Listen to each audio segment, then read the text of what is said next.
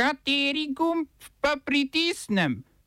Tisti, na katerem piše OF.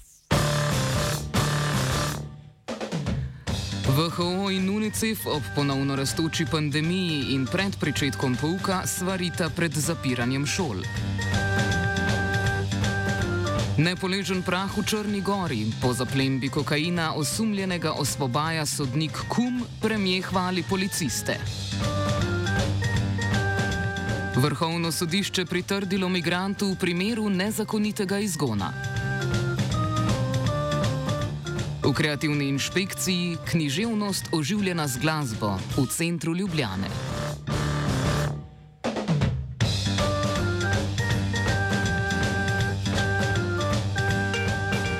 Velika Britanija in Francija bosta v okviru današnje razprave stalnih članic Varnostnega sveta Združenih narodov o razmerah v Afganistanu predlagali razglasitev varnega območja pod okriljem Združenih narodov v Kabulu. S tem bi po besedah francoskega predsednika Emmanuela Macrona omogočili nadaljevanje humanitarnih operacij, predvsem evakuacijo ljudi. Večina zavezniških držav je evakuacijo svojih državljanov in Afganistancev, s katerimi so že sodelovali, že zaključila. Svojo vojsko so začele umikati tudi Združene države Amerike, pred iztekom jutrišnjega roka pa na kabulskem letališču ostaja še nekaj tisoč ameriških vojakov.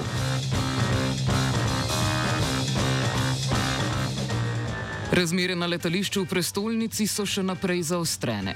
Ameriška vojska je s protiraketnim sistemom Davi prestregla pet raket, ki so poletele proti letališču, posredovala pa je tudi med vikendom. Po informacijah neimenovanega ameriškega uradnika so ZDA zunaj na območju Afganistana z dronom razstrelile avtomobil bombo, ki naj bi pripadal silam islamske države Korasan. Pri tem naj bi napad zahteval tudi devet smrtnih žrtev med civilisti, zaradi česar je ameriška vojska napovedala preiskavo dogodka. Gre za drugo ameriško posredovanje proti domnevno odgovornim za četrtkov teroristični napad na kabulsko letališče. V prvem povračilnem napadu v pokrajini Nangarhar so ameriške sile ubile dva pripadnika islamske države, med drugim tudi domnevnega načrtovalca četrtkovega napada.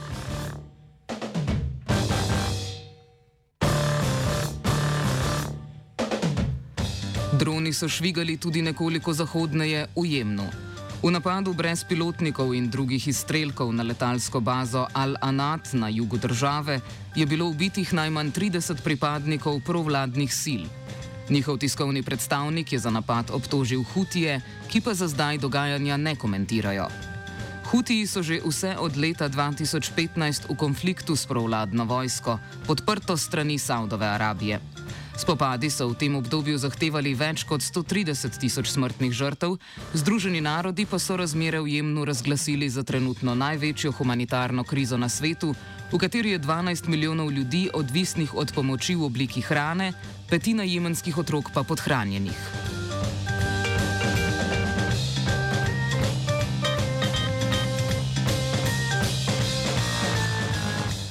Pred septembrskim povratkom šolarjev in šolnikov v izobraževalne ustanove sta Svetovna zdravstvena organizacija, krajše WHO in UNICEF, države v Evropi pozvala naj ob ponovnem širjenju okužb s koronavirusom ne zapirajo šol. Ker je pandemija po besedah regionalnega direktorja WHO za Evropo Hansa Kluga že povzročila katastrofalne motnje v izobraževanju, je ključnega pomena, da se učenje v razredu neprekinjeno nadaljuje. To je po njegovem pomembno predvsem zaradi duševnega zdravja otrok in razvoja njihovih socialnih sposobnosti. Obe organizaciji sta ob tem izpostavili cepljenje kot najboljšo obrambo pred nadaljnjo epidemijo. Odprtje šol se je znašlo med osmimi strokovnimi priporočili za šolanje v času epidemije COVID-19, ki so jih WHO, UNICEF in UNESCO potrdili na priporočilo Svetovne zdravstvene organizacije.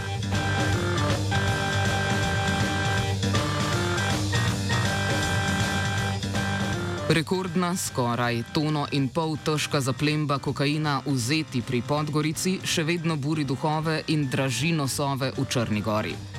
Premijer Zdravko Krivokapeč je na posebni tiskovni konferenci za uspešno akcijo, ki so jo izvedli v petek zjutraj in pri kateri so aretirali dve osebi, pohvalil policiste ter na krilih njihovega uspeha v slogu srpskega kolega napovedal odločen boj proti organiziranemu kriminalu. Pri tem pa Krivokapič ni pozabil okarati sodstva. To je v zobeh tudi pri črnogorski javnosti, potem ko je preiskovalni sodnik Radomir Ivanovič odločil, da osumljenima ne odredi pripora in ju pusti, da se branita svobode. Pri tem se je za problematičen izkazal kumovski odnos Ivanoviča z družino osumljenega Budmirja Krstoviča. Na socialnih omrežjih je bilo sprva moč zaslediti, da je sodnik kar krstni boter osumljenega in zaenkrat osvobojenega Krstoviča. Sam Ivanovič pa je na to za radio televizijo Črne Gore priznal, da je zgolj brat osumljenega narkodilerja kumoval krstu njegovega otroka. Ta ohlapna socialna povezava pa nikakor, je še dodal, ne vzbuja suma o sodnikovem pristranskem odločanju, zato svoje odločitve nikakor ne vidi kot sporne. Oba, če, če bom odgovoril na angliški. Slovenija will try to help. We can Slovenija will and we will do our utmost To say that the situation is our problem ourselves. and uh, We will make further steps as soon as the conditions are bomo vlado Marjana Cererja, Mira, Marjana Cererja Šarca podprli. very, very serious. we know how and we will. Vrhovno sodišče je razsodilo, da je policija v primeru osebe AM iz Kameruna v avgustu 2019 kršila načelo nevračanja in prepoved kolektivnih izgonov ter onemogočila dostop do mednarodne zaščite. Na podlagi sodbe, zoper katero pritožba ni več mogoča, mora policija oziroma Ministrstvo za notranje zadeve tožniku AM omogočiti, da se vrne v Slovenijo in uloži prošnjo za azil. Sodba se, kot pojasnjuje Iza Taler iz nevladne organizacije Infokolpa, opira na tri točke. V prvi sodišče izpostavlja pravico do mednarodne zaščite, ki mora biti omogočena vsaki osebi, ki vstopa na ozemlje Slovenije in nikakor ne odvisna od arbitrarne odločitve policije. Drugi točki se sodišče naslanja na načelo oziroma prepoved nevračanja, ki izhaja iz prepovedi mučenja. Oblastem pa nalaga preučitev varnostnih razmer v državo vračanja in prepoveduje vračanje v za migranta ogrožujoča območja. Tretja točka, na kateri temeli sodba, pa se osredotoča na nesprejemljivost kolektivnega vračanja oziroma izgonov.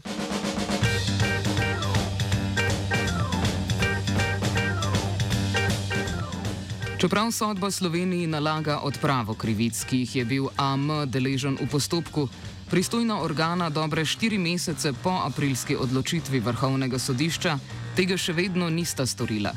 Tožnik, tako po besedah svojega zastopnika Dina Bavka, ostaja v Bosni in Hercegovini, kjer so mu še naprej kršene temeljne pravice. Iza Taler, predstavnica Infokolpe. V njegovem primeru bi to pomenilo, da um, bi mu bilo pač omogočeno, da pride v Slovenijo in potem vloži to prošnjo za mednarodno zaščito.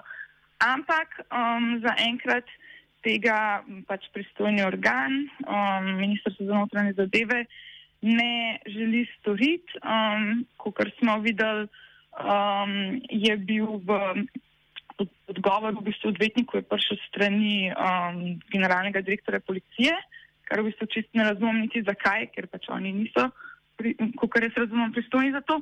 No, ampak um, pač sodišče je dal sicer tukaj neko polje presoje um, ministrstva za notranje zadeve, da samo izbere najbolj učinkovit način, da naj tožnik pride uh, v Slovenijo, ampak primeroma je pa navedlo, um, da naj mu vem, izdajo recimo ta laissez-faire, um, to je kot nek potovalni dokument, ali pa potni list za tujca s tem namenom, um, ali pa neko vizo, skratka pač nek način, kako lahko on iz Bosne uh, pripotuje v Slovenijo in vloži prošnjo za mednarodno zaščito, ali pa to naredi v um, Bosni na veleposlaništvu.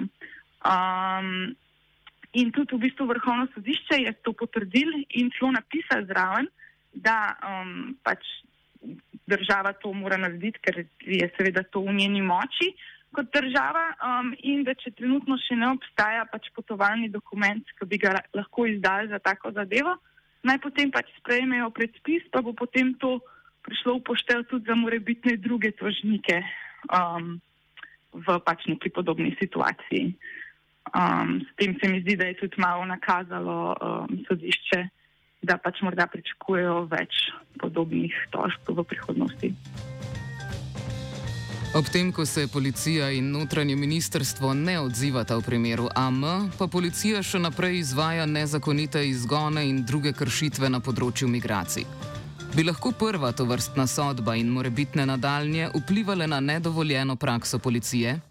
To, da policija na podlagi take sodbe ne spremeni svoje prakse, oziroma da je ni spremenila že takoj, ko je pač postalo jasno, da je to popolnoma nezakonito. Um, jaz mislim, da to res ruši tako temelje pač in pravne države in te delitve na um, tri veje oblasti, zakonodajno, izvršilno in sodno. Se pravi, sodna oblast je izvršilni povedala, to, kar delate, ni zakonito in izvršilna oblast zdaj to ignorira uh, in pač ne želi ukrepati. In kle je vseeno mogoče ena razlika med um, recimo Italijo in Slovenijo, ker v Italiji Um, pač, kot vemo, zdaj potekajo tudi ta verižna vračanja iz Italije čez Slovenijo, tudi na podlagi teh bilateralnih um, sporazumov o vračanju med državami. In pač v Italiji, ko je prišla pač prva sodba njihovega sodišča in je rekla, da je ta sporazum nezakonit, so um, pač ustavili ta vračanja. Um, pri nas pa pač tega zaenkrat pač nima nobenega učinka. Tako da ne vem, kaj, bo, kaj se bo moralo zgoditi. Jaz pač razumem, da je to v bistvu nek način uh, upravljanja z migracijami. Odzivu Infokolpe na sodbo Vrhovnega sodišča prisluhnite ob 18. v oddaji Ni še gotovo. OF je pripravil Marcin.